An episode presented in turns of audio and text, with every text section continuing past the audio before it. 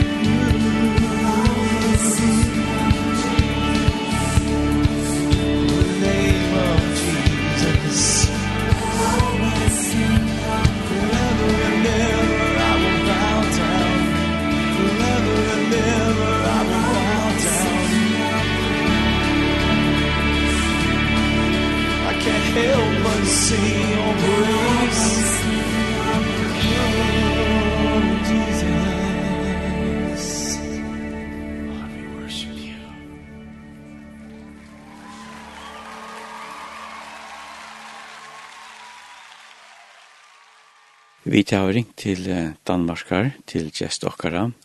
Han og kone hans er byggve her. Gjest Okkara er Gerard Hanser. Gerard, hjertelig velkommen til Sendeja. Ja, takk for det, ja. Gerard, hvordan er vekkeren er det?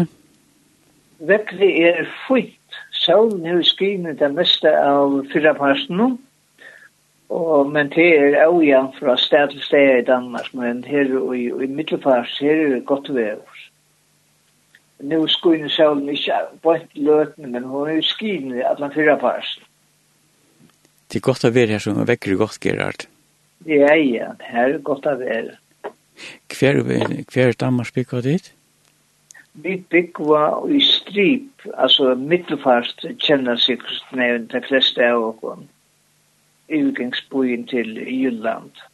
Ja. Men så det er det här ligger, kan man si, av marsjen her, här gonger fra Middelfars og til Fredrikia. Så vi, vi er nesten avfast vid Fredrikia. Det er bare vatten i mitten och er mitt tverbror i mitten. Byggvartis inne? Gamla och den nutja. Byggvartis inne i landet någon? vi byggva, nei, vi byggva faktisk vi ut, ut vi strip, vi byggva tatt vi strandene. Det er bare en, en fem minutter om en strandene. Så er det bare nøkkelen på seg som følger når man bor nær sjånen. Hva er Årsak, jeg hadde fikk ikke vi. Ja, så er det nøkkelen på seg som følger når man bor nær sjånen. Ja, ja, ja, ja, det er bare det er helt så ikke sjekken herfra. Nei, det er bare til han. Men jeg skal genka og syndu for jeg sutja sekund. Ja. Du Gerard, har du nekka hobby? Hobby som er til har alltid vært at skriva og at lesa. Det er det eneste hobby jeg har finnes vidjok med æren. Og da man vil i biten av tog, så er det torfet å komme utan om og færre til nekka annet. Jeg vil vært biten av det at granska, finna fram kjøl og bøker og alt det her som man hever, som man får, kan holde av fram ved å skrive. Man skal jo ha kjeldet til, til der, til alt det som skriver ved. Og hva skriver du om?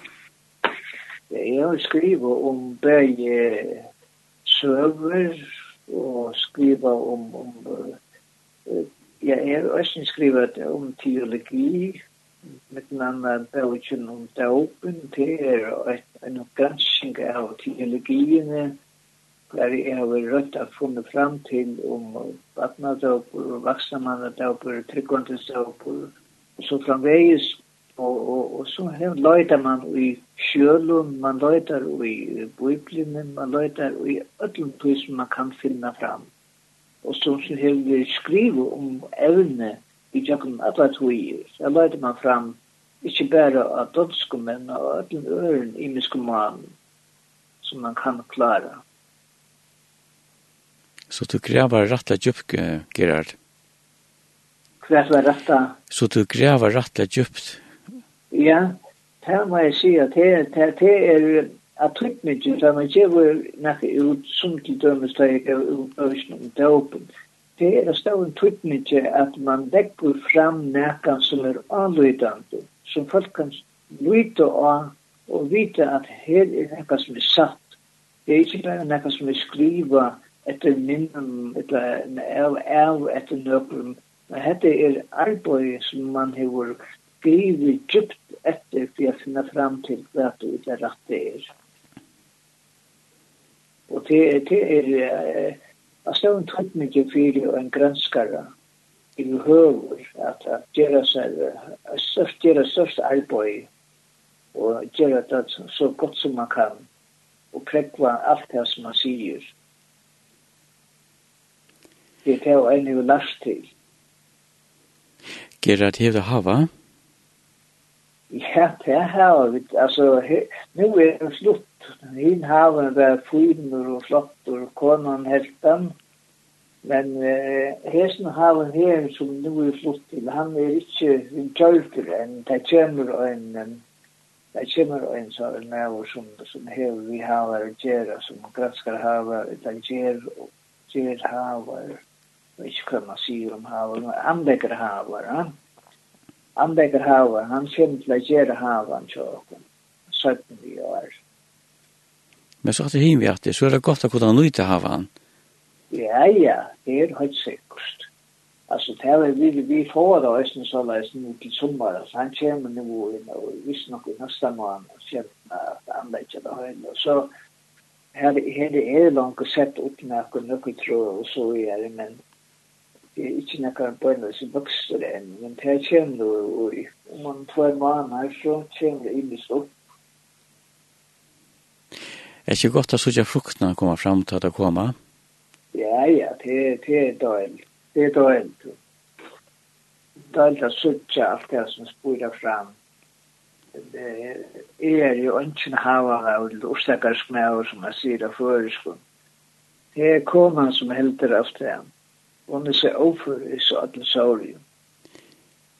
Man blir sier om det er mennesker som hava, det har grønne fingrar. Ja Ja, det er grønne fingre, ja. Det er jo gjerrig ikke. Nei, men det er godt at konan det så. Ja, ja, det er godt hun hon det, ja. Ja, men så er det jo ære gav reisende. Ja, ja, så har vi ære gav. Gira... Så har vi, har vi nekrar. Det er godt. Det er godt om man brukar det gav man hever, Gerard. Ja, det er at du ikke at man brukar det. Og jeg synes det er andre gaver, en fær fra herren er det stor tydning at man brukar det til tjenest og fyrir han.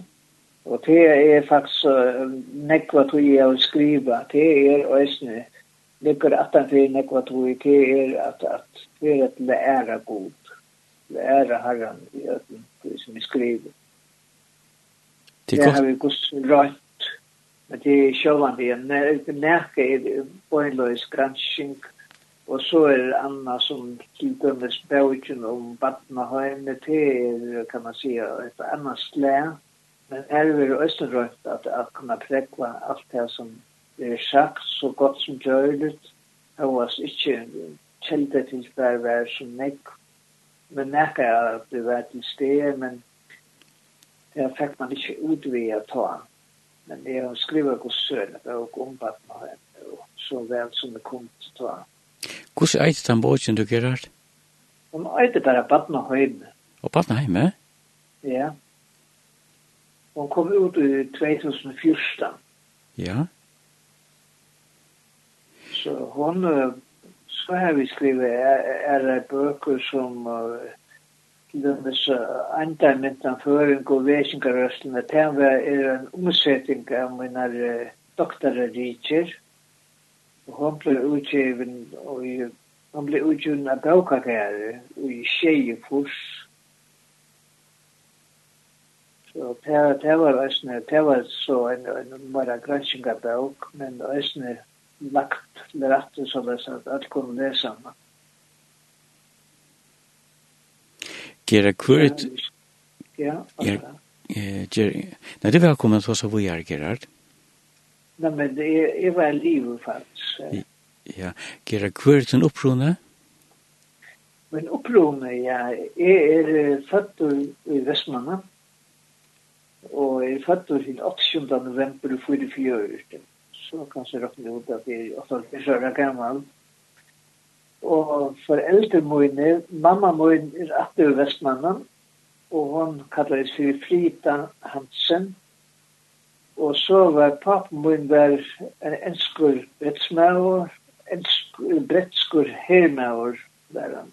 Og han kallet seg Josia, altså eller eller kallar det kallar han för joy men det är till att i jötes namn eller Israels namn Josia alltså Josva och Frid Fredrik Simpson och pappa min har vi omgat det pappa min var, han var her som her med, men han kom omkant og aftur til til vi var omkant og gift bægi. Så det var av imenskund øren årsakund, pappa min var jo gift, så det var jo liv og ikke gift bægi. Sjølten de hadde kommet ikke til de prinsippene vi samlet seg men de ble så omkant og omkant og gift. Det er så.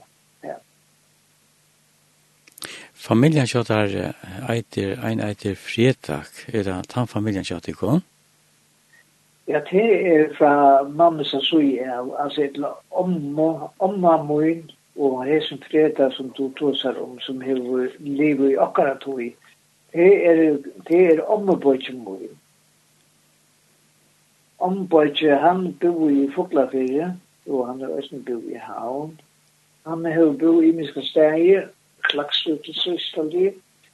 Og han var også en av årsøkken til det at, at jeg kom til trygg. Fordi han fikk med til å komme vid til møter i, i Gideon i Vestlandet. Gideon det er samt med oss ikke av brødene med Vestlandet. Her er her var det ønsken samkommet her var vært her eller vær her i mine partnere med 17 år er det ved en samkomma. Fredag, hvis vi vent at til, nei, Gera, hvis vi vent at til fredag, ja. vær ikke en annan fredag som uh, forst under uh, i England, jo. ja? Jo, altså, det var så, det var så, hatt jeg om og bort, det var så, papi hansara, ikke sant, papi, det var kattas til gamle fredag, er at vi har vært for fredag. Men uh, gamle fredag, han post vi, vi en kipen og vi med en han var helt unger og fredag hon er på veien vi fredag ta kom han. Så kom fredag var oppkallet over til papan som var det i her. Det var en hørt høy du Gerard? Jeg vil høre to, ja, og så sitte etter vi nekken på den, ja. Det var nekk, det var nekk sysken. Minns hvordan sysken det var, ja? Eh, vet ikke akkur, ja, jeg har ikke akkurat i høtten, kanskje hvordan nekk sysken det var, men det er bo, vet det bo bare i Kalbak og i Somorøytene og i Vestmanna og, og i Østrøytene Det var det var så nekkvåre. Jeg kjenner fløyde av dem som jeg kan minnes. Og det var på Klaksforbo i øyn. Så, så det, var, det har vært, det har vært rundt om Kipanesen, bo i Øysne øyn. Det var en kvinne, det var en syster, syster til om, en ommessyster min. Og så har det bo i et fører, han, det var eh jeg kan ikke minnes til hvordan kus att det var sen kapla och så det kan ikke minnes nå. Jeg har ikke hatt den. Det var ja, hatt den, men det har vi tyvärr ikke. Ja. Det var stor familie. Det var en stor familie, jeg kan så atla. Det var så nekst, jeg halte det har vært en en tutsi, tutsi, tutsi, tutsi, tutsi, tutsi, tutsi, tutsi, tutsi, var... Det var tutsi, vanlig tutsi, tutsi, tutsi, Øysen i mine baden og æren, jeg kan minnes det at det var nekva familier rundt om her som er bo, som har hatt og tutsi bøtten, og etlo bøtten. Det var helt vandet i mine baden og æren, at det var neksis. Ja, det er nekva... Det har vi ikke opplevd at det var neksis. Nei, men det er nekva munnar er metta. Nekva munnar munnar er metta. Det er nekve munnar er metta. Thomas. Det er nekve munnar er metta, ja. Det er høysikus. Det er høysikus. Det er veri smått mengan tja nekvom. Det var det amma moin, hon tei finko tutje, tei finko et lupet, og et oi. Det var så tutje etter det løyve. Så det, det er vi nekker munner jeg møtte, ja. Det er ikke alltid vært stuttelt. Og det var bare, altså, Abbe, han levde i sjøen, og han var silt i alt sitt liv, så langt som han orka i. Så det er veldig småttning, at jeg minnes, jeg minnes det i høsten til at, det var venkan mamma for vi, og vi nøkken nian til teg, til det var sånn nekk, og vi var jo så faen, mot til teg. Så, og, og det var også en vei at ta imot at noen til å si at det var en, en mamma på ikke min, og en mamma på ikke min, og en og, og mamma min også en bo i tjokken. På av grunn, av tørre grunn at de var så nekket huset og hette sine gamle mer enn etter som du sier. Så vi bodde ikke akkurat. Og vi bodde, sett noe annet, da bodde kom det at bygde var tatt vi ikke akkurat, og om man er, det skrattet man er. Så det var så nevnt var det. Det ble nesten ikke skilt til middelen om det bo her oppe i Kjathøymen, eller det bo ikke akkurat, det kom bare, så jeg sier og och fick en drekka man her og en nät her, her. Så det var så vanligt altså. Det hade man ikke måne mitt. Det var det ära tog ta. At man kluxade henne där smått som jag kunde förrige.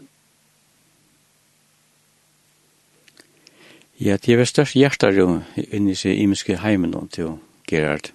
Ja, det var uh, Jeg var det nesten nødt til, for jeg hjelpa hver en nøren, og det hjelpa også hver en nøren.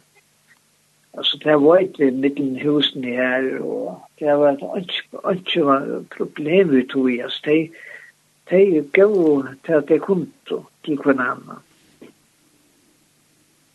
Så jeg, jeg kan unga belinnes til det at jeg mangler en nekka nekka.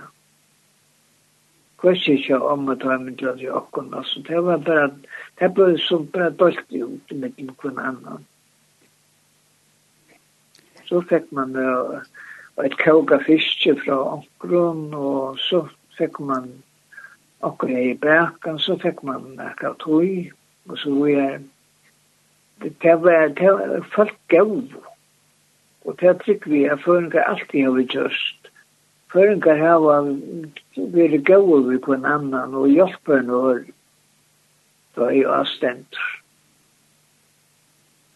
Jeg kjenner ikke til noe annet fra førjen, fra mine partner og ungdomsårene av, som jeg av liv i førjen, der årene her, at man er vi just annet enn hjelperen og Og det er særlig at de årene at han har krutsk. Det er eisen læreruk for de som kom at han nå at det er at foreldrene og omman og appan lærte dem å djeva. Ja, det, det er godt altså, at, at lære, lære folk å djeva, eller lære bøtten å djeva. Så det er, om man lærer bøtten, det er skulle, det er gløyma det så eit. Det er det jo som skriver i Bibelen, at man tar det som man lærer bøttene fra badsbøyne er, og til å glemme det ikke skjølt av gammas alder. Så det er jo større en tøytning at, at vi lærer bøttene, ikke bare at djeva, men alt av kristne, og visadommen av han som hever givet livet for okken, av Jesus, og lærer vi det fra ungen av, eller fra badsbøyne av, at elska herran, så ikke kommer det østen til å gjøre det da det vekser til. Det er ivis ikke ui. En god lærdommer. En god lærdom, ja. En god lærdom som er bedre enn alt annet.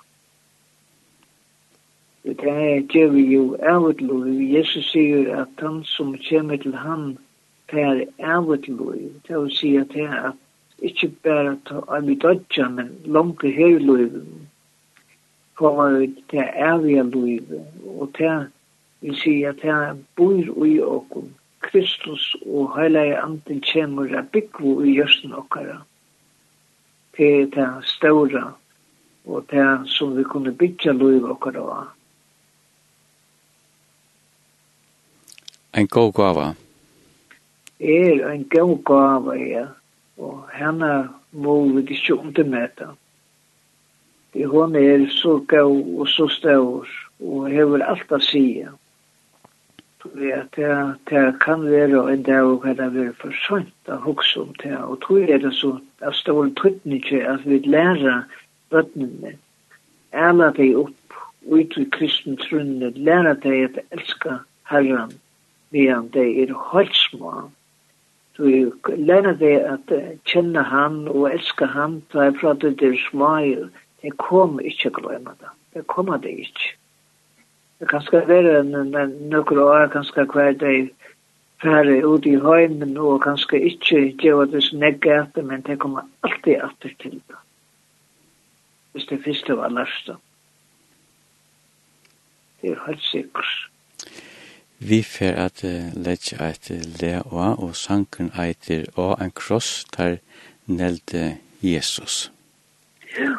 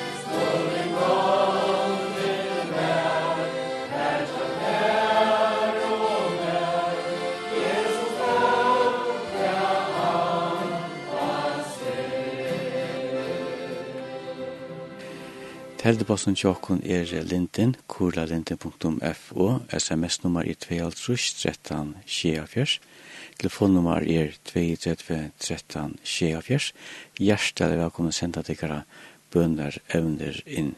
Gjeste okkar er Gerard Hansen, han og kona Bikva i Danmark. Gerard, var det nega vi til at du fikk sjokolade fra pappa til noen, enn affær? ja, og Det var en elskur fiskemauer som var inne i, la inne i Vestmanna, og han kom nyan til okkara. Og han hei sjokolade, og jeg fikk nekva sjokolade fra honom. Det var alt det vi fikk, så vi som smadrantjen kjenkommen og trålarna, og Jeg tjekk alt i ombord, alle trådar, for jeg løyde et pappa min. Og en dag så kom en ønsker, en ønsker fiskemauer nyan til okkara. Men det var bare jeg og mamma, eller første mamma min som var til steder, og han kom og spyrje etter frit og, og jeg var bare en litt smadronker, og mamma var, hun, den første mamma min, hun dødde ikke engst, så, og jeg er enda mindre til jeg var som liten ta.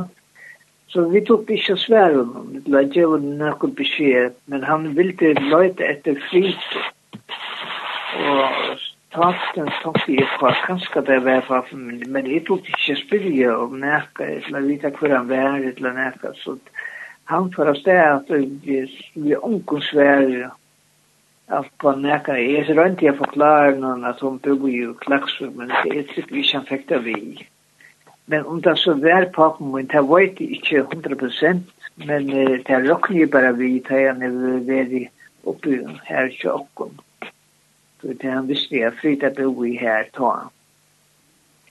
Så här kan jag råkna vid till det är han. Så har vi gosse se han. Men jag kommer omgång till det. Så tjän att var bara till att papen mun han hever gått til fire badnapenning og jeg la han til jeg var 18 år. Det var et. Men så øysen til at um, papen min som kallas for Joy you see. Han um, han var han åtte anke bøtten sjølvor. Og konan han fink og angat nokre barn så at om han hever sagt konan sin fra mer det vet jeg ikke, men han hever så vidt at han hever gått i pening for meg at ein så ja må konan resten ha vita.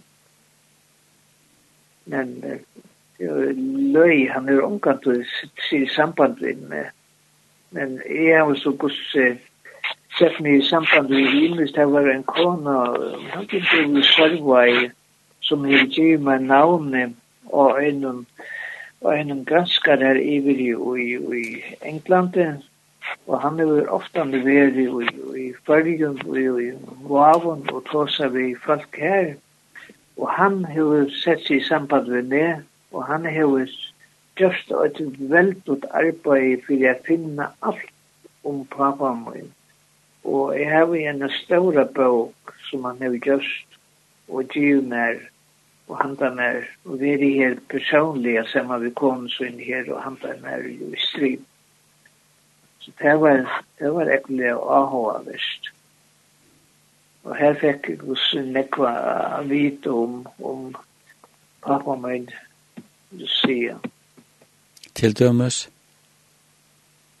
Til dømes hva han hever gjørst, det kom tog inn her. Han hever arbeidt nek som her med å ære stedene og østene, og annars hever han arbeidt og østene. Først han arbeidt til var som bilmekaniker. Og annars er han oppklart i at gjøre gjøre imiskar støype, imiskar så ska man säga att det är konfyrar och, og annars så näka som man har bygd byggt där och byggt upp från grunden ja. gjør det konfyrar. Gerar tøy du fekk at um, vit um så bókina og fekk handa seg bókina, nu hugsum at um, du vart fysisk kontakt til pappa til en ene for sånn småtanker, og i mån til at du faktisk har bøkene eh, som, eh, som en gave. Hver kjennes det for jøkkenen til en kropp ta, ta du fikk seg bøkene og for henne? Hva sier du kvært? Ja, det som jeg husker om ta og jeg til å komme kontakt med pappa til yeah. som unge dronker, fikk sjokolade fra noen. Ja, ja, ja, Ja. Ja, og så ble det gjort en bok om pappa pappadøyen. Ja, det er nekk. Da du fikk seg av bøkene, handla jeg fra snere ansemannen om pappa pappadøyen.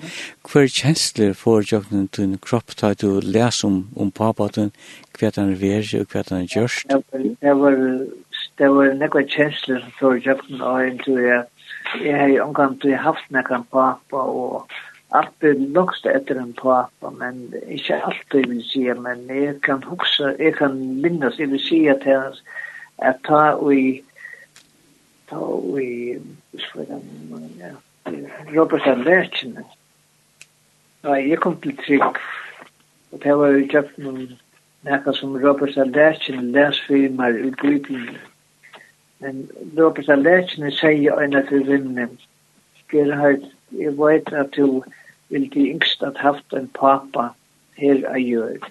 Men nu hever du funnet en pappa i himmelen, og han kan stå alt og venda deg til og færa til vi öllum som du ligger der på hjersta.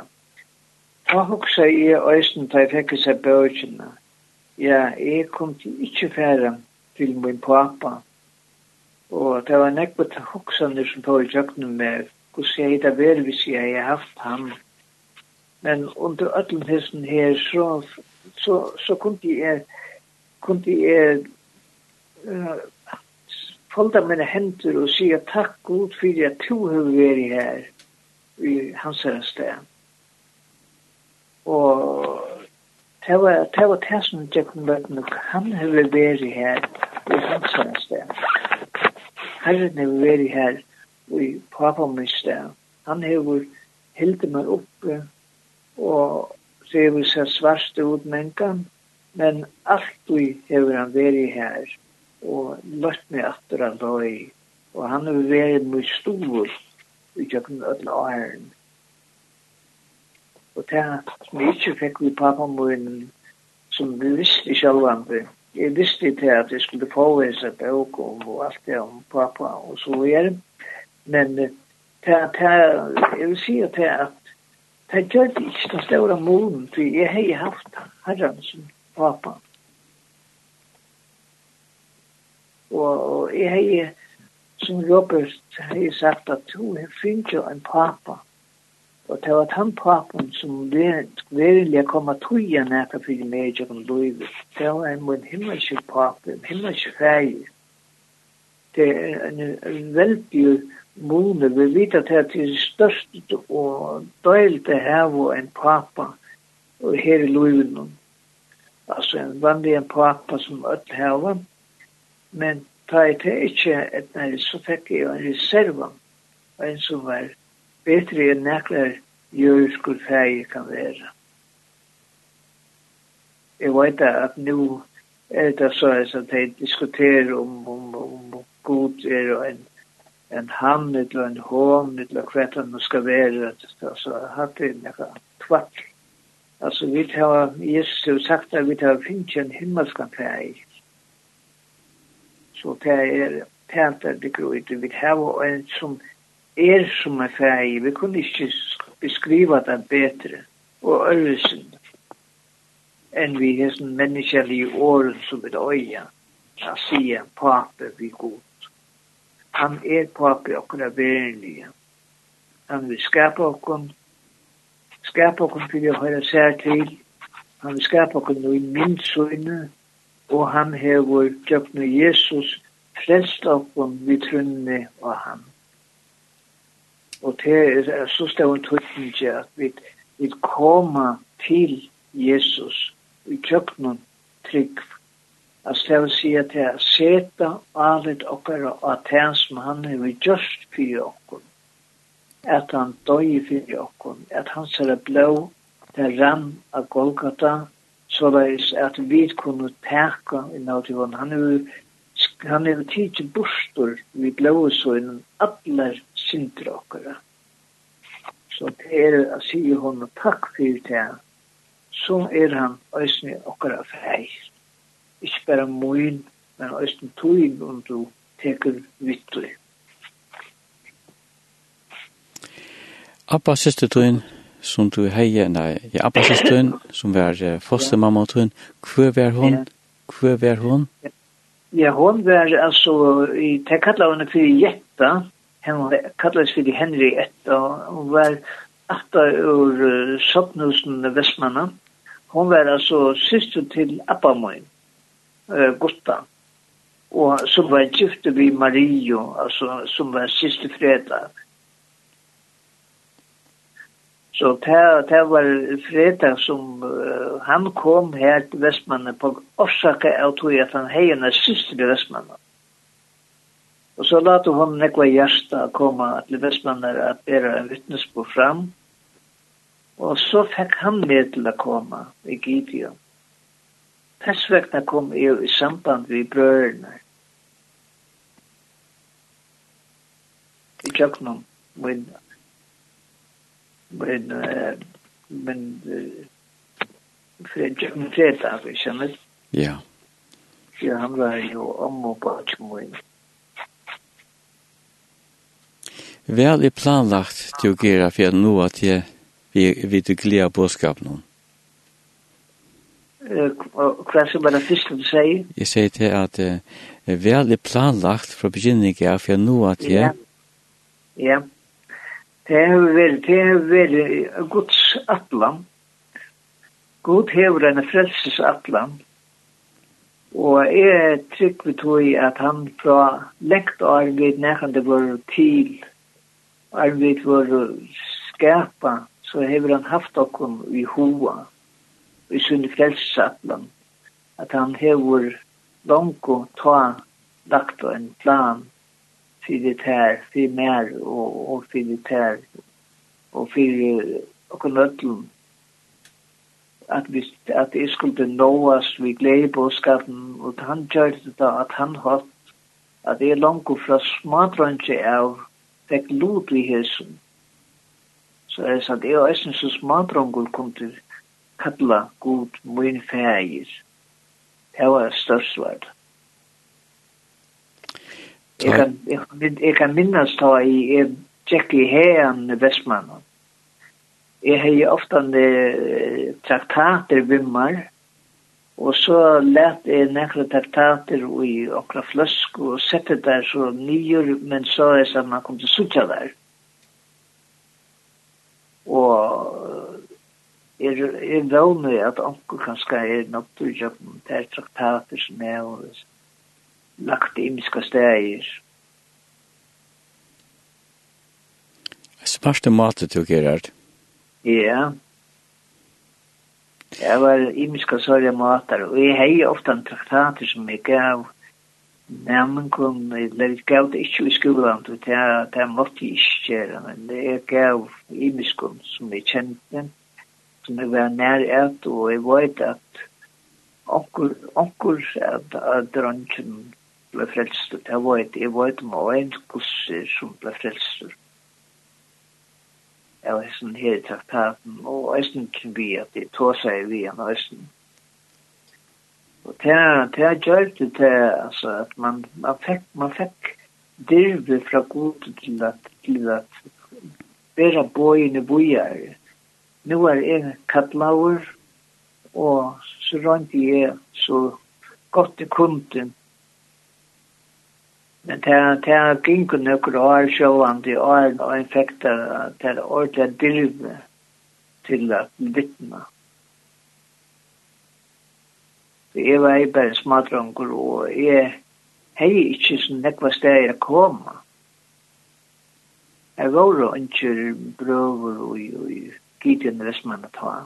Jeg var bare tog som kom jeg var fra havnene og innan fra Fuglafyret så var jeg tar kom med av og av lesmanar og så blir jo bøyne og av bøy og i Gideon og Østene utemøte, jeg kan minnes nekve utemøte, det var imiske steg i Vestmannar men særlig oppe i Gøren her som er bo, her bøtt vi her, tatt vi her var utemøte, og det var Victor var her ofte, og imiske fra Østrøyden, ja som vi langt har nevnt, Robert Lækene og Ålert og forskjellig, for jeg mye er, skal det ikke glemme nækere, men til å ta havnene til Det og nekver her havn, det Peter Haberg og, og, og han sperrkassastjøren,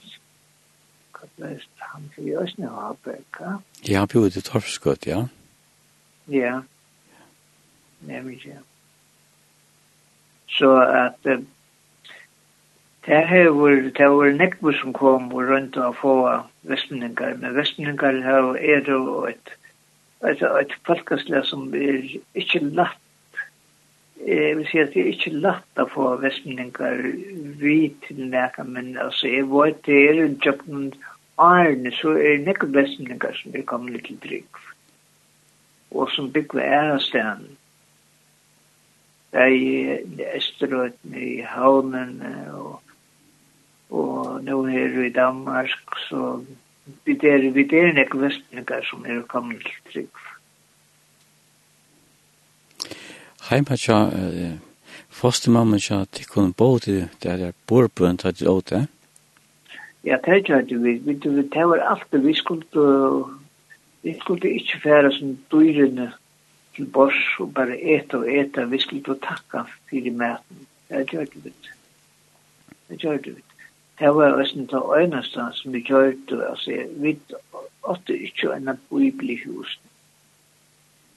Og et eller annet nekkar og kristelt vær og Uh, fostermamma min, hon var omgatt i kyrkje, eller nekka seg til møte, eller nekka sted, men hon kom omgatt seg.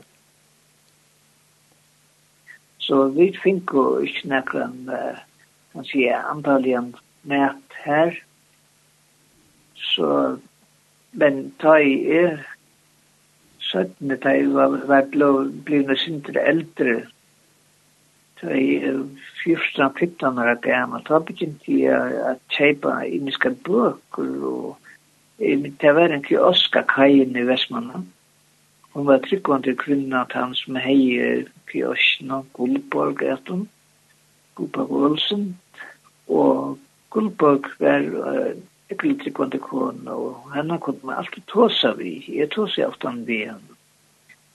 Og kjøpte bøker, hun heier nekva andalige bøker her. Begge, begge andagsbøker og er kristelige bøker. Så tenkte jeg at jeg kjøpet var imiske bøker her og lese til her. Men til så var det kjøtt selv sjøvande da jeg vokste til, så kom, kom jeg ære tankar og at jeg les, for å lese Amma. Jeg var langt nok så ung da jeg for å lese grikst. Jeg lærte meg grikst, da var jeg sjøvande, men 16 år gammel.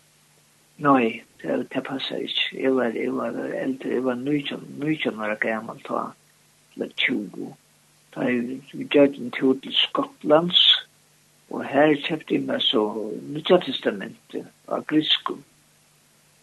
Og så lærte jeg meg grikst, og fikk Østen hjelpe til å lære seg fra. Så, så da tok jeg nok så vel grikst langt årene for å lese teologi. Mm kunde jeg godt lese tekster av griskum. Vi... Her kommer man til hjelp søtten, da jeg skulle lese. Ja, vi får at lege at le å, da neste le i tjokken til er år, og sint, og hukmo i livet i. er.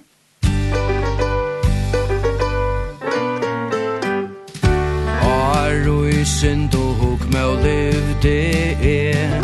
Kjem han som løy fyre med. Kjemde oi hin gaua lusins ve Til Golgata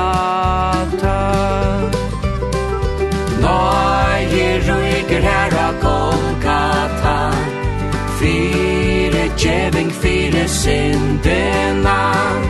Fri og er her fyre salena Av Golgata sår fekk me til sørst at sjå. Kvå så djupt du synte sorgen la Fyre mine salran ljøs oppta Og Golgata Nøye ryker her av Golgata Fyre djeving, fyre syndena Fyre Frior er her fire svalena A Golgata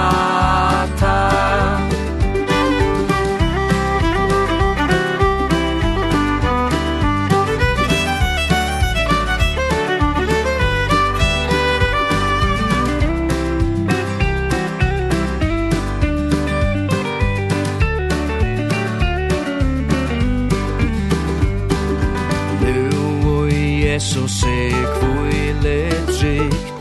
Her vi og han halt mot alit bygt Vår svann og frior og ive frykt A Golgata. Nøye ryker her a Golgata. Fire tjeving, fire syndena Fyre Hvor er her fire salina A Golgata. Og hin kærløyge som tålde te Og i a krossen om han bær hin der Stora nøye at mun sal vær glæ A Golgata ryker her av Golgata. Fyre djeving, fyre syndena. Frior er her fyre salena Av Golgata. Av Golgata.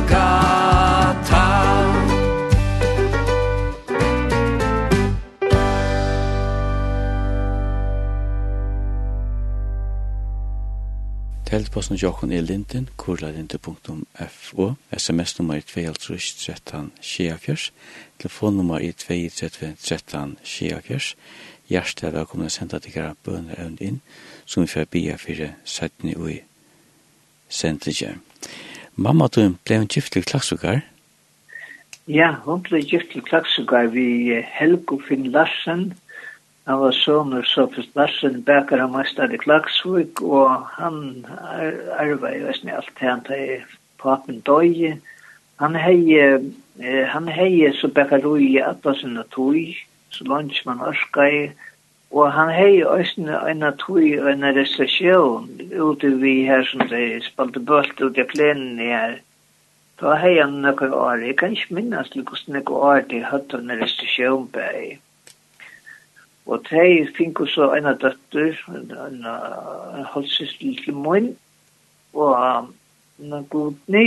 Hun var veldig fytt, og vi kom nek sammen. Vi var ofta nye klaksug og fyrra og ikke henne, og, og de var også ofta nye tjokken her i Vestmann, og kom ofta ny her. Så jeg var veldig glad for å komme til klaksugar. Det var døylig til å være, ja er fra smadrunge, ja, vi kom små helt smadrunger her ofta. Og her var det i heia en en omsystem, ja, og var ommusystem min, ja. Det var en bo tatt vi her som er bo, og her var det ofta ni inn i æsne, kjapøyden. Og i Vestmanna varst du ofta i fjørene? Ja som bad? Ja, ja, det var helt vanligt at det var jeg hei piser, i dørs med kassar, eller bur til pisene, så da jeg fikk pisene, så skal jeg, skulle jeg østen passa der, så jeg var faktisk kajen i under kajen Jeg sett det så døylig, her kom det man sitt under kajen i Vestmanna ta, og kajen var livet oppbygd. Og vi så det her, Og det var ikke som hun hugsa om at det var farlig. Det var andre mye. Det var det var det avgjørst. Det er en hugsa om det der. At man satt her tøyme etter tøyme. Og vi kunne være sauna i datten 9-4. Og det var ikke utan at sida en og en bjølka. Det var det høyla. Men vi satt her og vi det hendte jo omgat i nekka vi betur, ikkje ta. Så at vi fink om mat i pysenar, og det var, det var altså dagligt at en vær her, at man skola tog. Hei du nekva piser? Jeg hei nekva piser, jeg hei pysen jakon nekva nekva år. Og det var så løyet, og det kom sommar koma atter. Koma atter år om år, ja. Okay. Så det var nok stuttligt. Ja, det måtte være måste jeg flövande ikke at det kom atter og atter. Ja. Ja, altså, det här var kjent steg att du kommer att Det som at du får med til å si takk, Det var ikke inte inte kvart lata mina hjärsta, men det kom att det var stuttligt att stutja där. Och, og märkja det at det kom tatt til og inn og og kjente og en som det var fyrir til fyrt han prata i viltar og og kunne steg kunne sitte og hånden i kjamar Så det var øyla temar? Det var temar var det, øyla temar, ja Det har nekva gjerra sige hvordan en er, altså et mat jeg veri på, eisen i fyrir djaurum. Jeg vil alltid ha tokka til djaur og Vesten kjetter og hundar. Nu har vi også en hund. Det er Men hin vi at Gerard, altså, er det ikke nekka vi at, at ta opp er det nekka godt i en menneska at det går vi kryadur?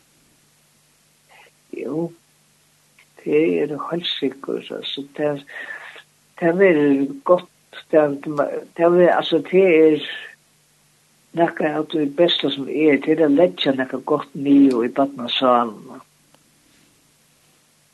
Så er at uh, vi er det lagt nekka godt nio i henne, og så, så er det verden her.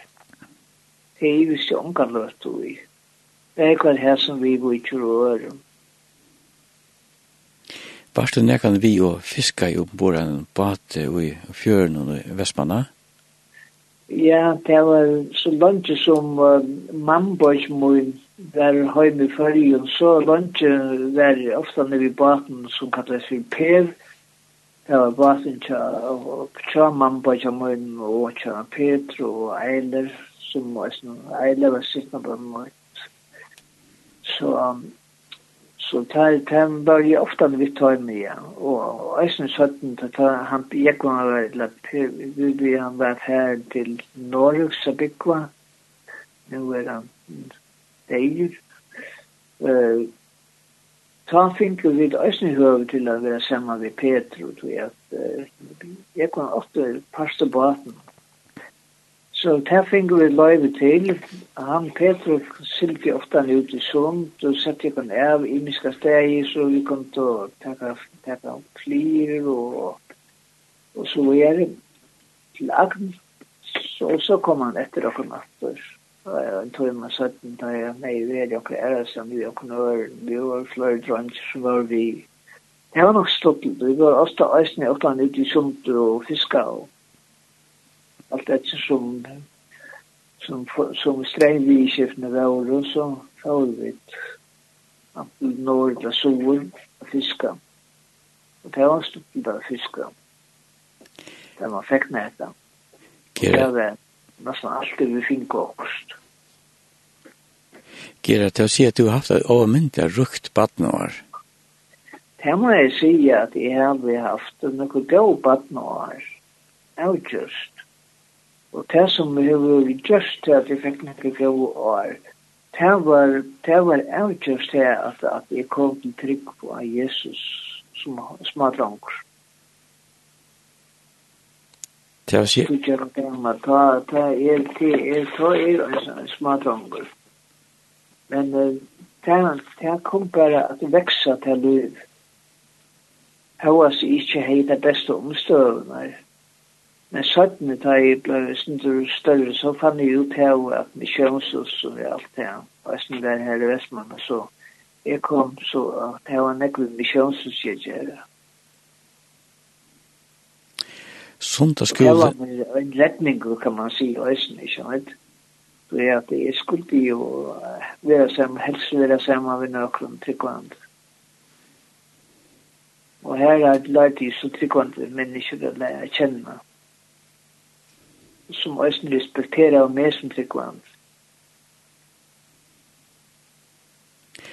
Sundagsskolen, tar læreren som var her minst og tar? I sundagsskolen? Ja. Uh, det må jeg si at, at jeg minnes ikke, jeg har ikke gynnt som jeg i sundagsskolen i Vestmannen. Oi, oi, her, nei, misjonsskolen, det har vi ikke. Altså, det var ikke alltid at, at Jeg kom her, jeg kom her nok onkeltøy, men ikke, ikke, ikke som Jagnesmith, som, men det gjør det ikke, jeg vet ikke hvor. Men det var sattene jeg lærte meg sjansen som jeg kjenner om. Jeg var større. Ja. Og så var jeg gengat til møten. Ja. Vi tek at lea treat, som eit er mer sagt om et land. Musik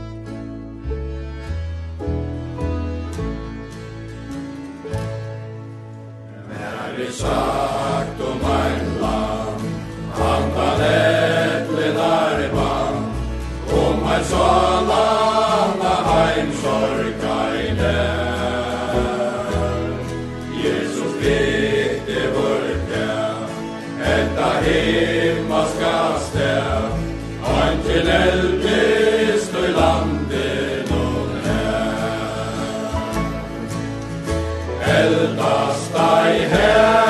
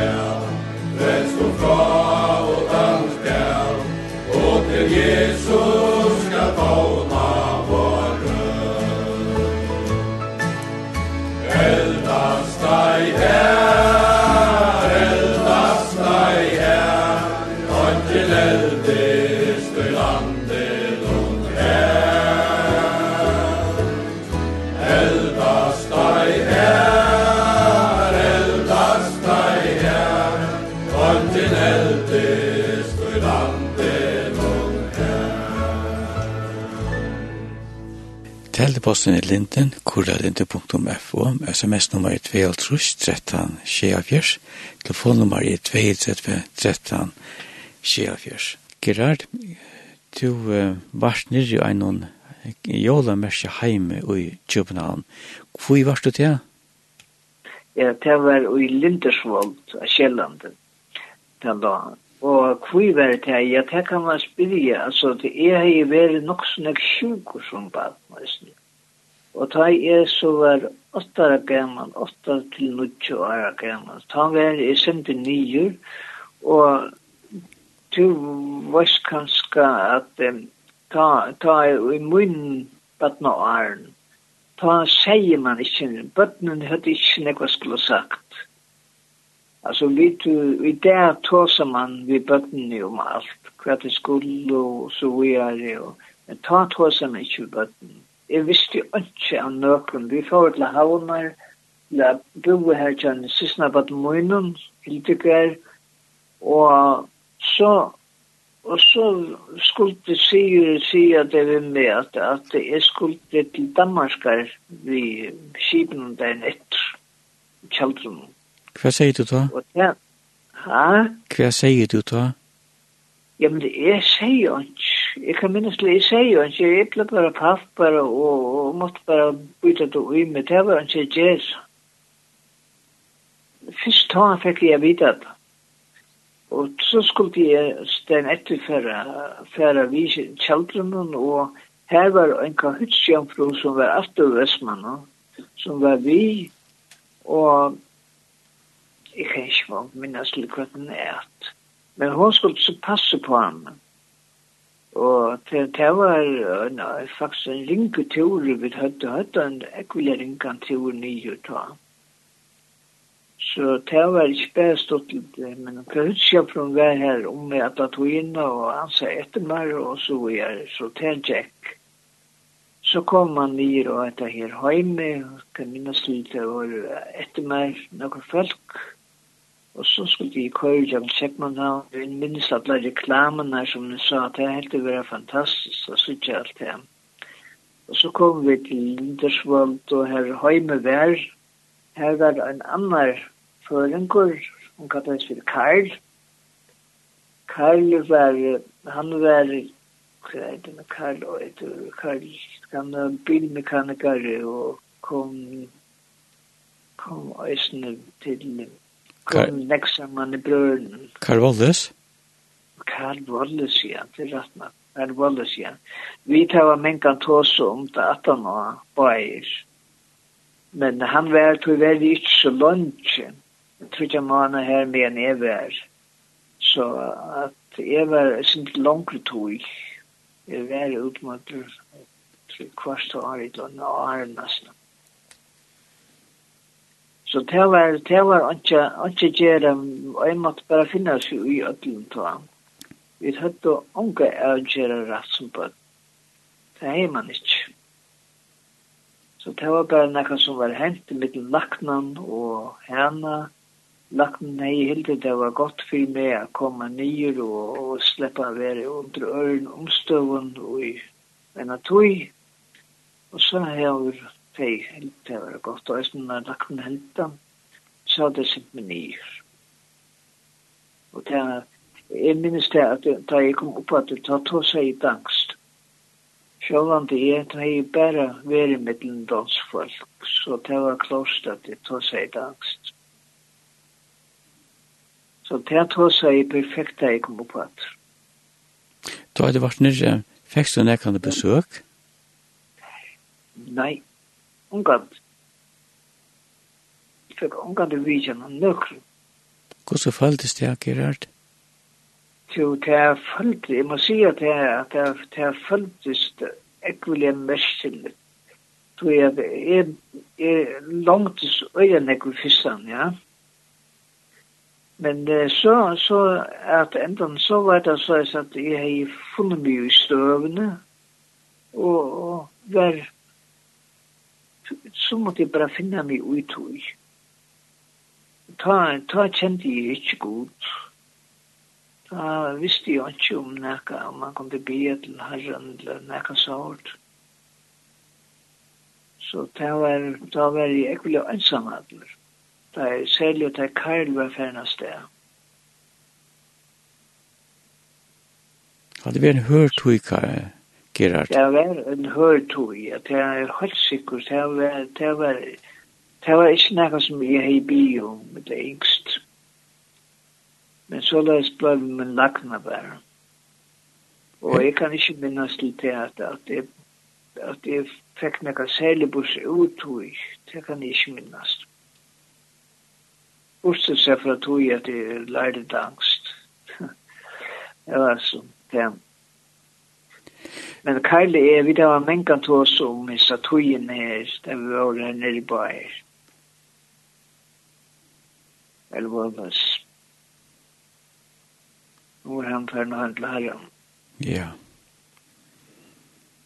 Gera, det som jeg husker om, gjør det, altså en sånn oppleving som du har haft nere, gjør det sånn at det er ettervirkninger sett i livet noen? Ja Nei, jeg vil ikke si at jeg, at jeg har vært just nækka, men altså, jo, vi, må mine vi skifte vi, vi, kan man si, må en uh, faste mamma og, og, og med, det har vært just nækka at vi ikke ordentlig kunne hava tås og nevne godt sammen. Og jeg tar, jeg tar, jeg tar, hugsa at, at, at hun bare gjer sauer nækka og ikke spyr meg om det, eller nekka som helst. Så, så det var, det var noen løgn, men jeg skilte det, jeg skilte det, så jeg svarte ikke alle bøtten. Anki bøtt finko løy til å være, være vi og inne for jeg er ikke som vi ikke tar inn. Ikke tar i inn. Det kom fyrst søtten. Tøy beter. Ja, tøy beter kom til søtten. Men nu min, min generation har inte upplevt det. Tyvärr. Gera, ta du Jack skola og i Vestmanna, hver var læreren her? Ja, det var nekve gode lærer. Jeg vil først nevne henne Elin Sofie Jung, som man kallar i Sverige, Elin Sofie Jakobsen. Hon var atter Kvibuk, og hon var avgift men kom som lærer lärarinta till Vestmannar och hon dog ju i här i Vestmannar. Hon, eh, hon var en så avbera god lärarinta. Jag vill säga att jag, att jag vill omgått uppleva en lärare så god som henne. Hon duktig att livande göra biblisöver för oss. Det var så avhåverst og så fantastisk at lusta etter det får inn i salen. Det sitter seg her bare, og man minnes første år som man sier. Det har stått til det her henne til lærere. Og jeg kom også nekvitt inn til henne, tror jeg, at det her bor jo en Niklas, Niklas som var, hon, hon var mammesøster Niklas.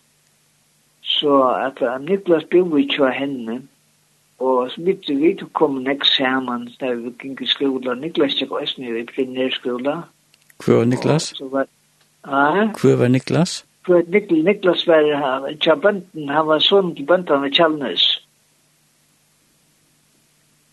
Og så var det en kvirkjengur som kallet seg Anten i Vøsen. Han var østene, i tjekk og østene i skolan ta. Og så var uh, han... Uh, Gulag, Gulag Jakobsen, som bor i, i uh, Hyrsas. Østen i Kvøyvik. Jeg vet ikke, du vet hvor han er. Jo, jeg vet hvor det er, ja. Du vet hvor han er, ja. Ja. Så det var jo flere som kom og åtte fra seg til å lese. Så kom vi er en kjetterøysen fra Sante der. Så jeg vil si at jeg, nå skal komme at inn på lærerne, så det var ikke bare hun, men det var um, Andreasen, som var også en lærer som er dem til ser, ser stekken vel. Vi var også i Atbeier, det var en menka tås om, og han og nå var jeg prest ved Vestmann noen år, så jeg var ofte ute i Vitsjei, Andreas da, og han var blitt sjukker og fikk jeg visste nok kjenne sjuk som jeg ikke kunne leses fram. Så ta han vitja i Andreas en nek, og ta ta seg vidt nek om te i Arne, ta i man tjekk skolan. Og han var, han var så gav i enskon. Men han var òsne alltid, da det kom ensk skip inn av Vestmann, og så var han alltid fast og det her nere, så ta seg vidt der. Og utviklet seg må at han hatt. Så det, det var godt. Det var godt for oss nærmengar. Så finner den gode lærere som dutt i engst. Så det var det også først. Og så hørte vi til Fallent. Han var jo uh, matematikklærere. Og uh, så hørte vi uh, så kom vi Jasper, han kom nakka søttene, men han var jo så verandre lærere her, han domte jo ikke vel, og så hadde vi et anse fri, anne, nei, ur subrødene, ur Hove, og hvor jeg er lærer her, og jeg jobber ikke glemme Mambjørn Morsensen, så finnes Mambjørn Morsensen. Og så har vi er visst nok vært inne i Ataman. Ja, og så sjåvande skal vi ikke glemme han Traber. Han var skolestjord ta i fyrsta når jeg kom i skolan. Skolen i Vestmanna var nok så nutjur da jeg kom i skolan. Så han var i bygd i Haltrus. Haltrus var han tisen bruk. Så han var nutjur ta, så han ble han fordøytel. Det var nok skjøtt. At han var bygd av, det var den første skolen og, i, visst nok i Norrland som hei svimjehødl innan dora. Så det var nok stått Jeg vet ikke om det er ære som nå har finnet innan du har så mye høyt. Jeg vet ikke. Jo, det er vi om, det er Klagsvøk, Havn og Sore. Jo, det er vi om, ja. Ja, ja. Ja, det visste jeg ikke, ja. Men den i Vestmann er vært nok fyrstor. Altså, det vet jeg, jo? Det var i Haltrus. Haltrus, ja. Og i Haltrus, ja, 1900 Haltrus. Ja. Da var han bygd. Ja eller han ikke tidsen i bruk, rett og slett. Gerard, nær fikk du det første, eller nær fikk du bøypene, det første bøypene ikke der? Ja, jeg skal fortelle det. Det var da vi, Einar fyrir, jeg var oppe i loften, oversta loften som vi kallar av den, og jeg får at uh, leida meg etter en snør for å fiska. Og jeg visste det jeg la her oppe i oversta loften, Men samtidig så begynte jeg at det råd på i imenske kassen som var her oppe. Her fann vi øyne nødja testamentet av danskund og vi stod en stavun og det var lenge oppe som jeg i åttana, det var skrivet igjennom. Og jeg ble så glad av det i fannene. Så jeg har jo unga bibel. Og henne gjør det til mine bibel. Og jeg elsker jeg den Bibelen, og jeg leser den, jeg tog det ikke om at jeg leser dansk om langt og tann, og jeg elsker jeg den, og det er da jeg har vi vært nok en etter år da jeg fant det Bibelen. Så, så det var et, det var et ordens kvett i gjørt da. Vi har jo ikke penger til å kjøpe med Bibelen for det. Da var langt og før skal Bibelen komme, tja Victor Danielsen. Så henne fikk vi sønten. Og her var vi ekkelig glad for er en perle av føreskrar melta om alle. Vi får høre et lea triat, leie ljøs og lest, i høyre enkla sång Dinja halleluja.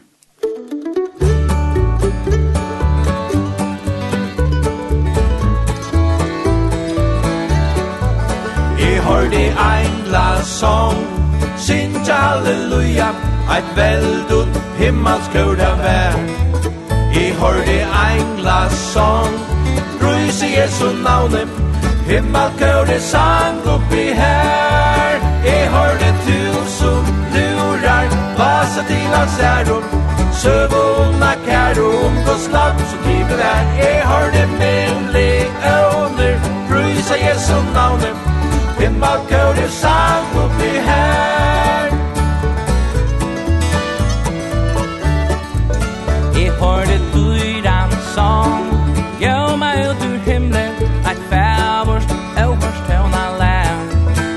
hørte kvøtland song Spel og engar røtter Som i riven vi vær og glad Jeg hørte tusen lurar Lasa til hans æro Søv og onda kæro Ung og slam som driver vær Jeg hørte millioner Brysa Jesu navne Himmel gøyre sang og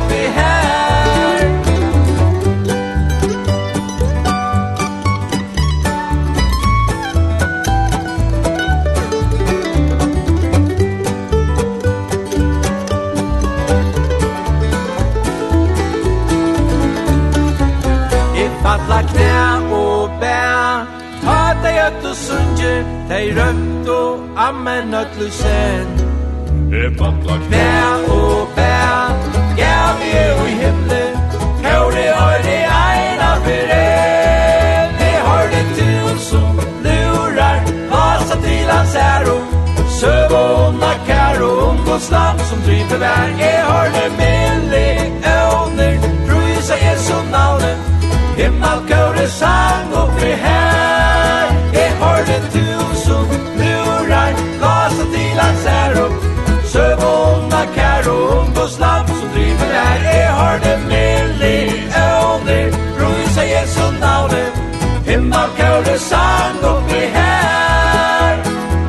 himmel går det fan Oppi her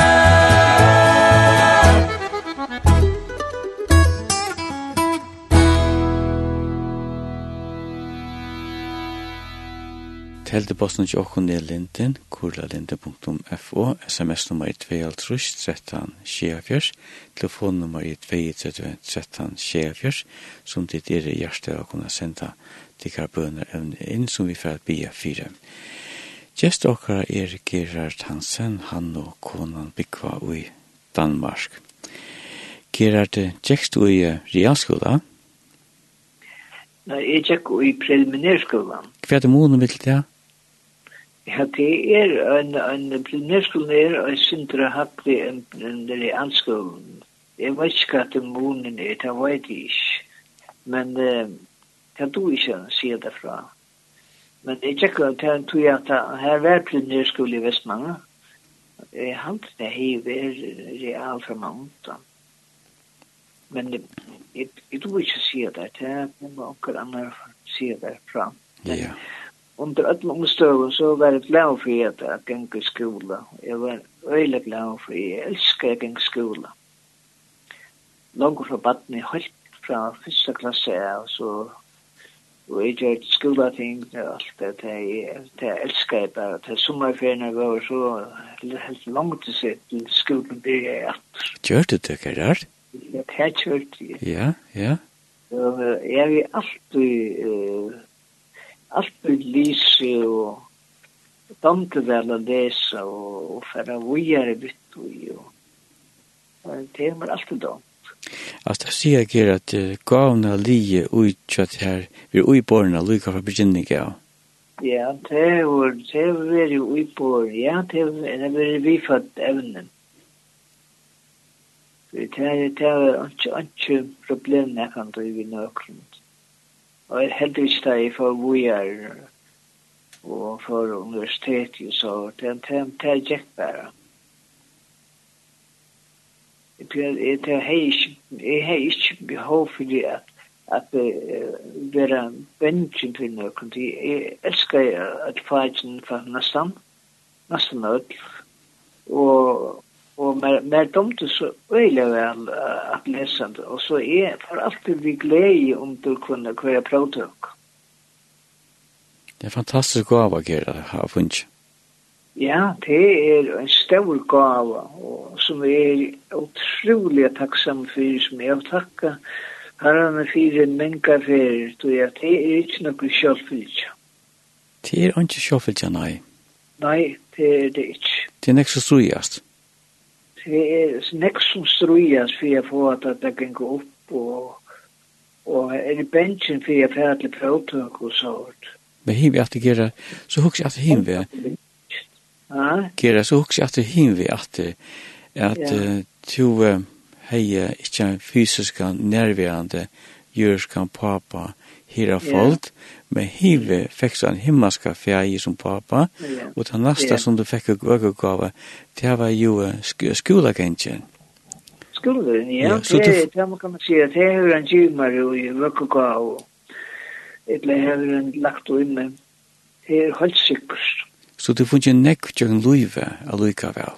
Jeg finnes jo øyla nekk tjøkken løyve som, som herren har givet meg bare. Så han har lagt det til rettes. Og Altså, jeg har jo omgatt jeg har haft noen øtta fyrir nøkken, så la jeg se at jeg, jeg har jo kjøkken alt, så har vi haft han vi. Jeg synes kjøkken prøvlesteren gjøkken årene i universiteten og begge, begge Danmark og Østland og i, og i Lund, i Lund og i, og i Sverige. Jeg var omgamt nervøs for nøkken. Er Det er deilig. Du, jeg elsker det. Det elsker det faktisk. Ja, det var deilig at han hatt at, at jeg har ikke problemer, vet du. Men... Um, om det var godt alltid, det er en stor spurning, og jeg oppdager til at 17 i årene, ta i, i halvfemsen og ut etter, så til jeg til at, at skola, skola gengun, illa at si årene jeg gikk inn til skola, det var nektig sammen. Alle årene, det hadde just med til at arvisen person, og det var ikke så godt. Jeg vakna jo opp og eh, for å lese til kjølene som var sendt meg, som hva det heter at det mett med, om førlagamøyen og så hvor er. Så les eh, om meg sjølven, at Gerard Hansen, han er vel utbyggven som som utbyggven innanfor det kritiska, de kritiske metodene er i innanfor fors, innanfor gransking. Og ta, ta fikk meg til å vakna. Ta for jeg spyrir meg selv, Gerra, hver er du? Du er du er ikkje den samme, og hever ikkje den samme gleden som du åtte ta, da du lute ut løy saman vi Jesus. Ta for jeg vakna opp og spyrir herran om i imist. Vi tåsa av oss saman, herren og en, og han er gau til å svære, og ta er det det kom til mun. at nu gjør du herren et lyfte, om han vil løysa det fra hesson som du er bunden at, og seta det i frihøyt, så skal jeg også gjøre hon et lyfte det gjør de. Jeg gav henne et lyfte, og han sett, og han sette meg i frihøyt. Det var fantastisk, altså, jeg, jeg hei en iPad litt i køsjen, og så får jeg hei ikke kunne blunda alle nottene, så jeg får atter og fram inn i iPaden, og da jeg kom nesten for henne, ta stå av iPaden, og Jeg er deigur fyrir allar heimsins synder, eisen fyrir tvinar. Ta ta fekk meg til at bodja meg. Ta fall jeg av mine knø fyrir fyrst og fyrir mange år, og røpte til herren om hjelp. Og som, som, som jeg sier, ta gav i hon eisen et lyfte. Det var en velbrott på en svære Jeg var veldig. Var ikke klaver? Hæ? Var ikke om med eller glæver? Jeg var så glæver, så glæver i fyrtiden.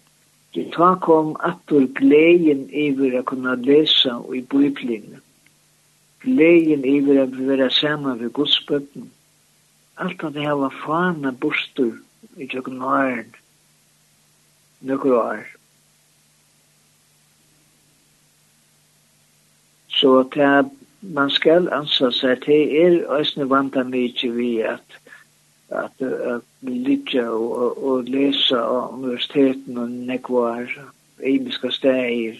Det var øsne akkurat og i tøymen æren hver vi vinste hatla krefter gjør seg galdandi av universiteten bei Ísland i Aarhus og København og så vi er er er er er er Så det var et størst, et veldig opplevelse at kunne suttje til hvordan god løsne fra ødelen.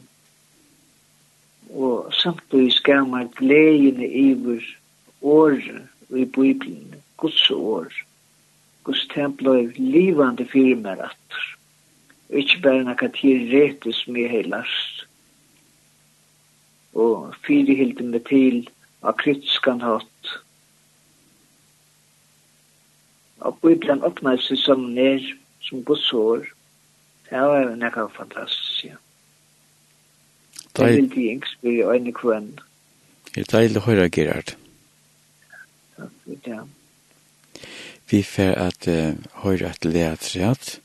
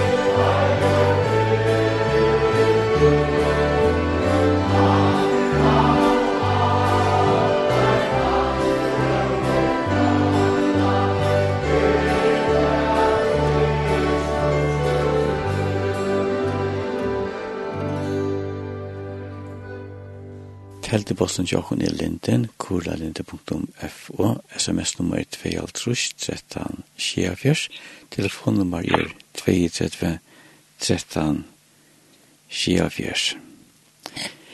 Meine Sus i Havn, hva er det å si for?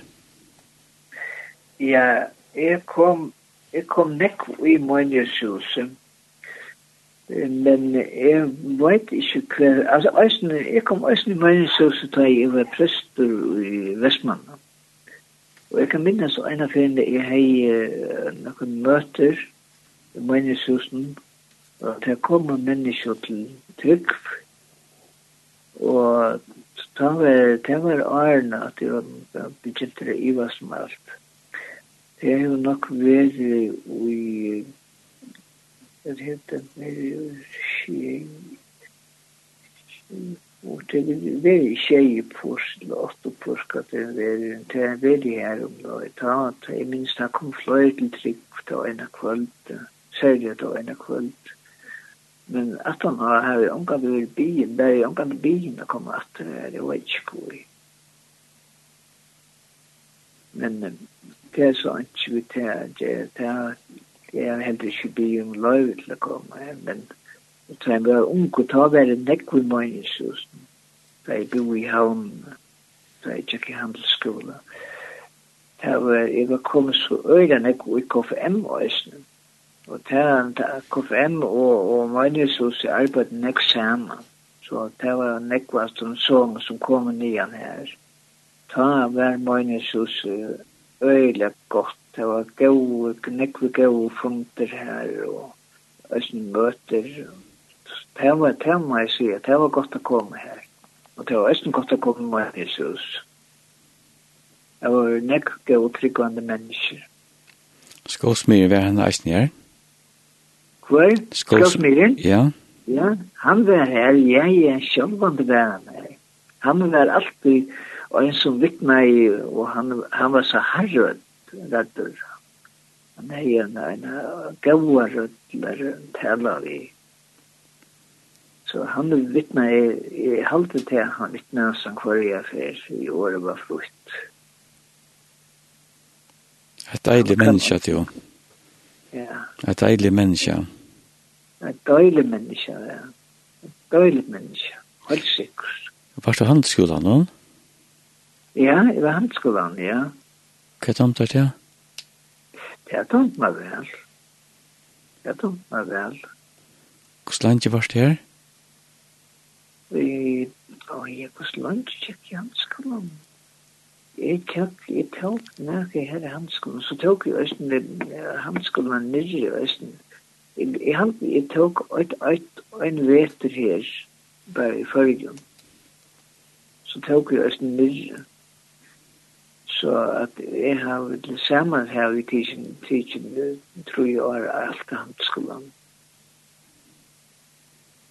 Forstå sætning til Fila Sønn? Ja, det var at han at det var søttene da jeg hei arbeid som tro på her var Kjøheimanmisjonen. Jeg har arbeidt i en fyra år i Danmark og tre år hatt i Følgen. Jeg ble tjej og august til sammen, så det kan jeg gjøre sammen. Ta var alt og et. Så heimamisjonen i Danmark sette, sette det før jeg tro på henne ta. Nå er heimamisjonen selv stå og sette selv, før jeg heimamisjonen sette selv tro på henne. Men ta var det danske heimamisjonen, og ta var i, i Batna, Batna gudstjenesten og sundagsskolen som er hei særlig atlig til, Du vet jeg elsker jeg at jeg præsker for bøtten. Jeg var stedet så takksom og glad. Så jeg hei, at jeg bor i Solrøtten, så hei jeg som lever og leve her. Og det som da skulle leve var jo nekker vi ikke her. Og vi fikk var så heldig at vi fikk skolen i Kvalpa til å nøyta til som da skulle leve. Annars hadde vi vært først og i Kvalpa meningshusen i Sår og i, i Vaje. Og her er det vel øyne, men det var ikke så godt. Det er ikke ikke så godt, det var for trånger omstøver. Men da vi fikk skolen i Kvalpa, så var det ikke jeg det øyelig vel. Da kunne vi teka flere aldersbøsker. Og det var ikke en alt skoleår, vi hadde noe det flere år. Det var de tre årene vi var her. Og det må jeg si, det det var godt. Det var godt. Her opplevde vi nekv. Og herren var vi og kom. Og han gjør det til at foreldrene kom og i håpa til alle. Da jeg vil enda og hvor jeg, hvor jeg som var skulle leve, så enda vi vi at foreldrene kunne komme her til uh, kaffebord, og de kom alt som Det var en vel stol av Soringa. Solinga var det fantastiskt till att stå upp om tilltökningen. Det var det.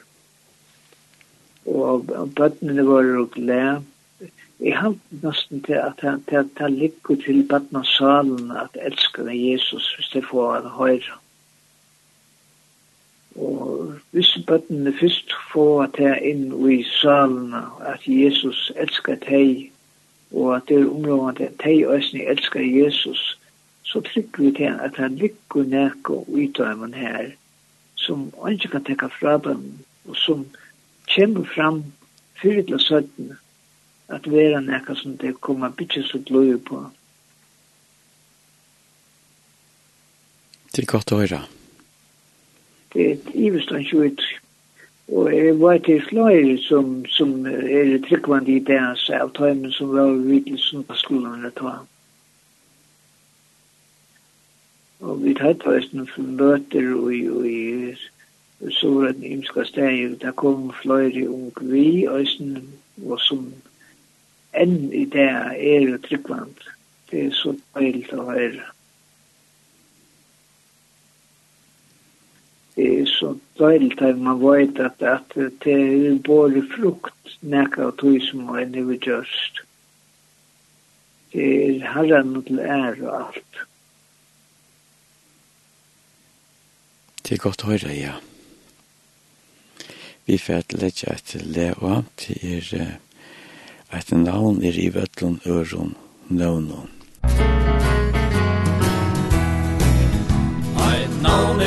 ötlån dör och nödån Ja, som går till fräls och gäll Knä navne som ger om atlan heimen.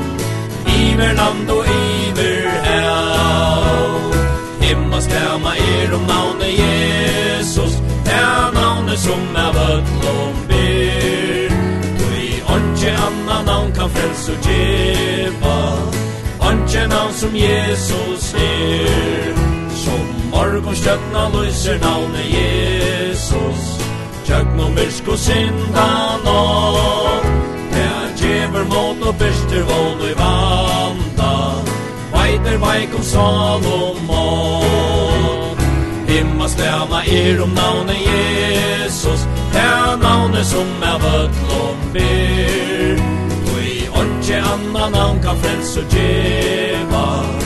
Anke navn som Jesus gir Ja, bera sæla fri til kvannfot jarsta Gjera løyve verur ljøst For bindja lekst og fyrre stormor tagnar Som kan øsa opp mot brøst.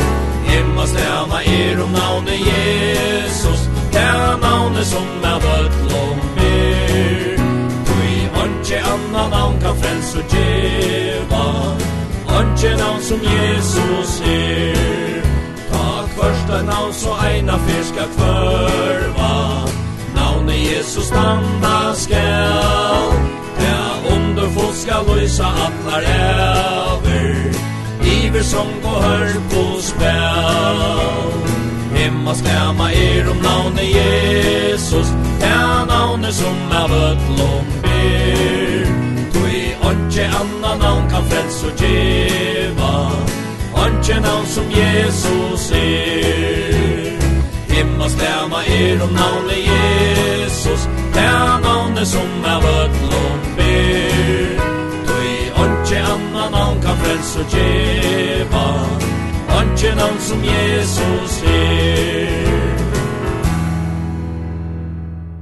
Teldeposten tjokkon er linden, kurlalinde.fo, sms-nummer i 2.13 sjefjers, telefonnummer i 13, sjefjers.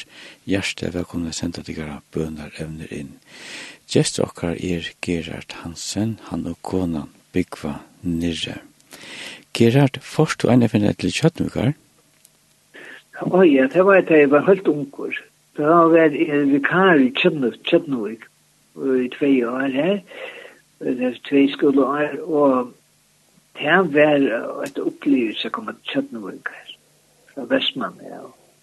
For det første var så at det var en brinplås, og det skulle jo en liva vi, at det var sjølvan at abater kom til Kjøtnevåg, at det var alltid avkjørst. Så at det er kyrren de endelige vøvre, så kom Patrik Kjallande, og det var stortelt, da kom vi at den vøren, og folk kom til å fære sora til vi baten det vildt. Så jeg minns at det var tog lenka tog jeg kom fra Kjøttenvøk av og til Havnar. Det var streimer som sylte, og det var tett lenka tog flere timer å komme til Havnar. Vi skulle først nå skulle vi nesten, det var nesten allt vi gänga till Haldarsvikar, fra Kjötnuvik, og det tog æsni når að var løt og gænga til heimin skslink, og den gatt huida tog. Men det var, i det er det bare et liten bil, så til nu er man bilar, og så kører det kjøttsur etter. Men da måtte vi gænga i tjøkken alt det. Så det var ikke alt så stort. Man skulle ansa vel etter at man ikke gløy nyer og får at li allan vegin med nett. Vi har... Det var ikke frutt har sin... Det var vantan mykje. Ja, det var vant vantan mykje. Det var vant av mykje. Ja. Ja. Det var et avgjørst. Men Gera, ta, ta du komme til, til Haldarsvikar, og hver får du inn at uh, boja med at kom, Ja, altså, det er bare til la gjerne og haldarsvik. Så det var ikke at han boietøy, men det var en boietøy, så vi tatt en kjenning her, det var Jalgrim Jansson, som er eh, nok så vel kjent i unge fløyen, og kona hans er Øysnen, så hun er etter Vestmannen, og de har bo i Vestmannen, men det bor noen år ta i Haldarsvik ta i han var han var verskfrøyngur, så han hej nok vi ötterlanda arbeid gjer her. Jeg vet ikke hva det är det minnes jeg ikke. men i Jalkrum har vi alltid känt från ungarna och vi kände han östen til eldre åren da han ble en eldre människa och vi kände han ofte han. Og, og ta ta bare han kom til trygg det var øyelig glad å høre at han var kommet til trygg på herren. Og det fortalte vi han meg. Og det, det var han, han hørte vi til brødene. Så at det tar sett med åren, men det første åren tar vi tar var han ikke, tar var han bare myndelig kysme og hørte ikke noe samtidig, men det var sett med åren. Hatte tid til kvalskole i Kjatnavik? Om vi hatt da? Kvalskole i Kjatnavik? Ja, kvalskole. Jeg hei kvalskole i i Nøkron, ja, det har jeg. Og det kan være så at de kom, til unge, de kom til hva som det er. Og, og det var kvalskole, jeg halte det var i ønskene, og så jeg minnes ikke om det hadde noen år, det var mest bare et fag hadde vi hatt kjøpt kveldskole i. Det var nok ensk. Hva er tomt annars ved Kjøttenvik? Det er tomt i ometelige vel. Ometelige vel. Det var, det var så døgnet det var Kjøttenvik. Det var så hundavet og folk som var så lagt å komme i samband vi og det var så nekk her framme i skolan som det kallet og Så jeg var glad for å være her, og jeg kan minnes til det at jeg helt flere til møte i, i skolestående. Og det var lustig ofte han vi, og så kom det folk, det kom. Og det var godt, det var gledelig at det kom, og jeg rønte i at bo evangeliet så godt som det kom til, ta jeg var bare unger, en onkel, mæver, onkel, mæver, ja. Så jeg var, jeg rønte alt det som jeg kom til for at for jeg bo evangeliet om Jesus. Og så ta, ta var mye østende at jeg, jeg vet at det er nekva tøym som jeg tar til vi som er det har er tryggvandi, og jeg kan nekva her nu. Så det er døyligt at høyre det er helt å oppleve til att at nekva han är ju tryggvand i det som, som har en møtte ta som ung, og som ung, det var også ung. Det er godt å merke avvoksen, Gerard. Ja, det er godt å merke, ja, det er godt å merke, det er alt til herren til ære. Varst du prester i Tyskland, eh? Og så kva? Varst du i en prester i Tyskland, eh? Ja, det var det. Det var mitt første prestastar. Det var i Tyskland. Det var i byen i Rendsburg. Og det var det det var godt og vel en tøyme jeg køyra fra marsjen. Så det var, det var noe av de beste årene jeg har haft, vil jeg si. Mm Ta til side, ta til sida beste ta til side at det er en av beste årene som du har haft. Hvordan kan du lyse til det? Ja, jeg kan lysa at han har at folk var jo gode i åkken, og folk ville ha åkken å være her. Det var jo øyelig harm om det vi skulle fære fra dem. Og jeg har en brøv fra dem, og skjøl det jeg kjent i at vi skulle færa og så videre. Så at det har nekva sige at, at folk seg har anlitt av øynene, og at man kan, man kan uh, være her, og, og de har respekt for to og sendt til fire. Og så røyner man, røyner man som er som man kan til at fortelle dem om Jesus, og at han kom hen til gjerra for jeg dødja for deg. Og så vil jeg si det Guds kærlighet, han er så stor, og han kan røkka til öll menneske.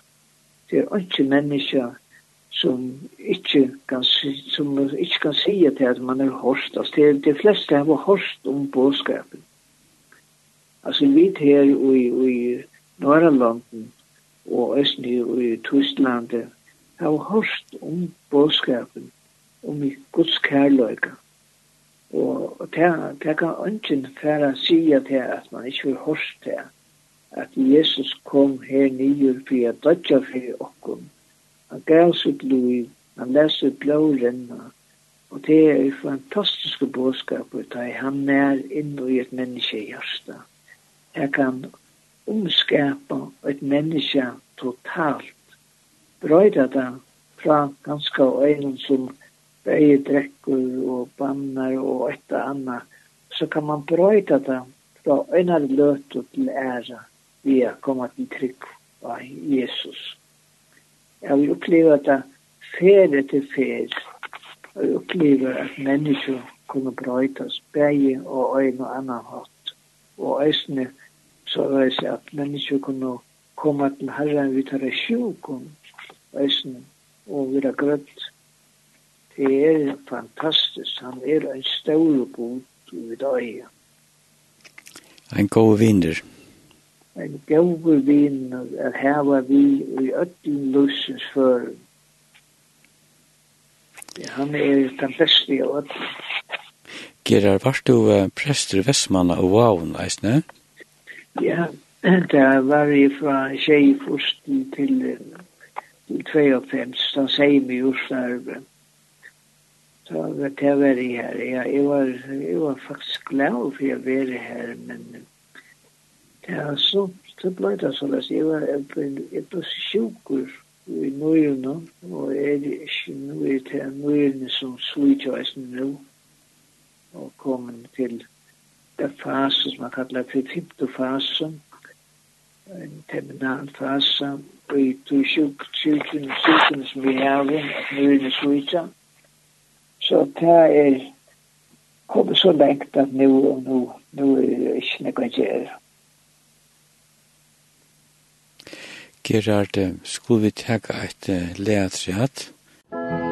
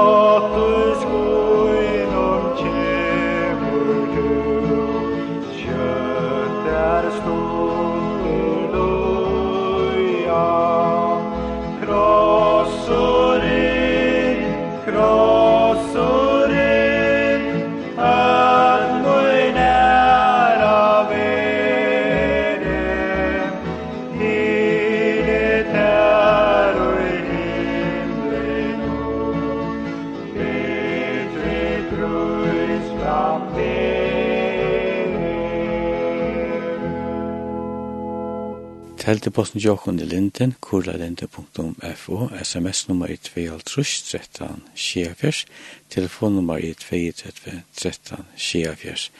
Gjester okkar er Gerard Hansen, han og kona byggva i Danmark. Gerard, det som jeg hugsi om til til at du har haft en sjuk i langt tog som du nevnte for en løtsugane, og hinve er til at laknar er kom til punkt i løyven tja til at det får ikke gjørst meir.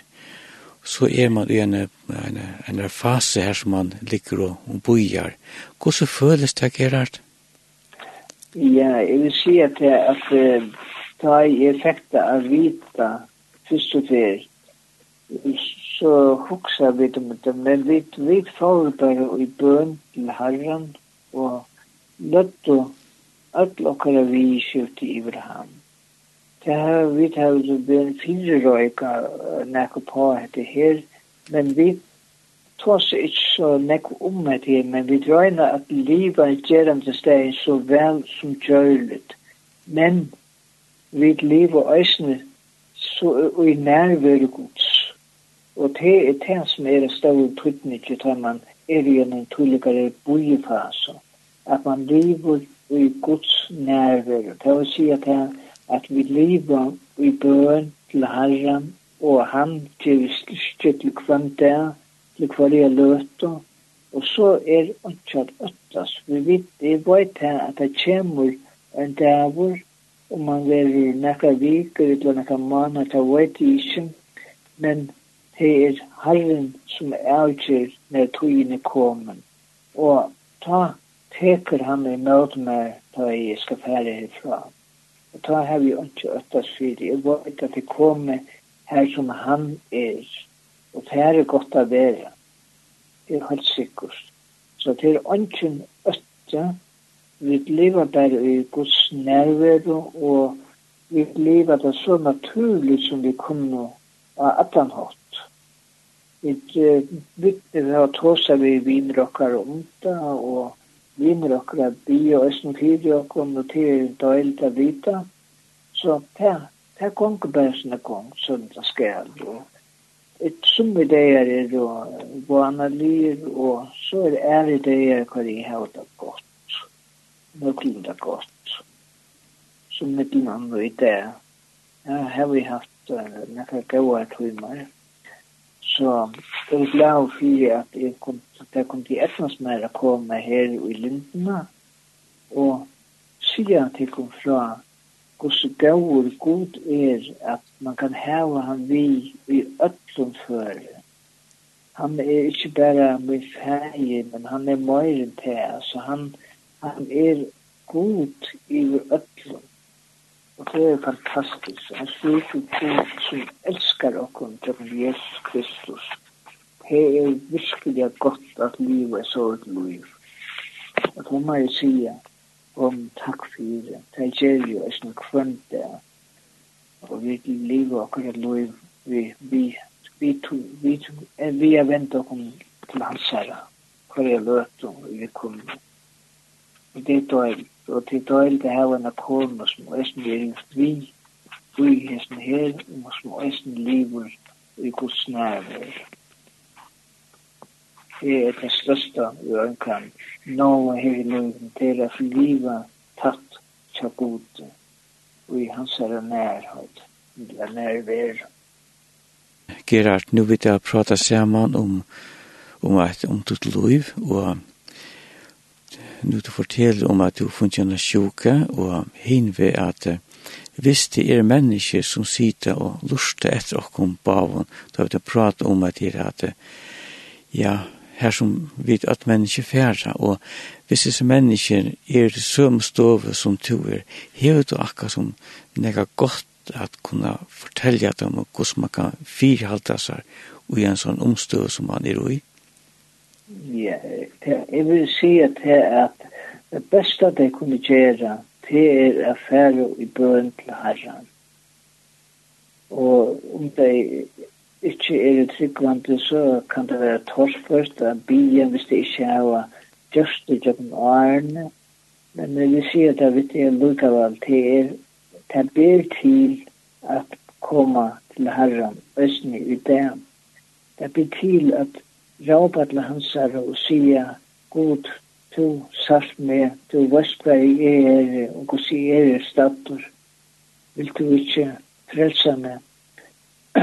Så kan man sige, æsten takk for frelsene til Herren, og takka for at han er deg for i øyn, og så hever man fulla ergång til hans herre, der man er var frelst. frelster. Fulla ergång, inntil god, og bia til hans herre. Det blir til, for han høyre bønner. Jeg har så mengan oppleva til at herren høyre bønner da jeg sendte opp til hans herre. Begge da jeg menneske har vært tryggvande, og østene fyrir ikke tryggvande menneske har vi opplevd at man bia fyrir dem, så leter året seg opp, og de kommer råpa eisen til Gud, og han høyre til bøn, han setter deg i frelse, han setter deg i friveit, så leis at eisen teg kunne gleast, eisen i ui enn jeg tror det støv som er i ui, og som anker anna ganske eisen i ui, det ber til at få Gud inn ui hesa mynd, og tar man fært her, så er ikke at Så i ta er han vi okkom, og han skal nok løy okkom til syste spårene, og eisen ta vi skulle si han farvel til dette løyven. Han er gaur at hava vi, og det vil jeg yngst for øyne som er så lai stator, at han skal kjøtt herfra. At det blir til at affære herfra vi glede, og vi tog i hjertan om at man hever han vi.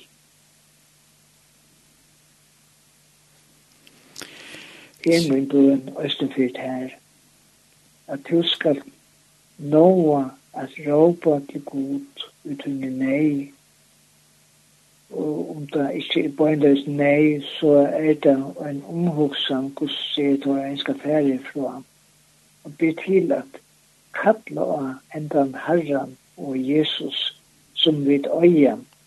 Det han er en større god som kan frelse øynekvann som han vil. Vi skal bare tåre å gjøre det. Så er han vittar. Gerard er utrolig takksamer og glæver og innerlig glæver for at du kom så vi og sendte ikke. Ja, vi kunne få det vi i lintene, at du kunne fortelle om ditt liv og det støvet som du er i nå. Tusen takk, Gerard, at du var vi og sendte ikke jeg sier også en hjertelig takk for at du fikk et høve til å være vi. Det er må jeg si, jeg er ikke veldig glad og fyre, og jeg vågner at jeg er til sikninger for åkra. Fint, Gerard og Jekonsone og Anfen, jeg kom til enden av hessar sending. Vi takkar til hjertelig for at du har lust etter sendingen. Sendingen vil enda sendt måneden, cirka klokkan 13.20 En utkjenting vil nu komme til høstet. Sending vil løyke av heimasøyna, om du ikke hører sendingen, fer til trusjefnadoble.linde.fo, og søgn til savnet og vel online, bøn og prat. Vi din kjett her og tog noen godsryke sikning framover. Her er så hjertas godt ødel somel. Here I am.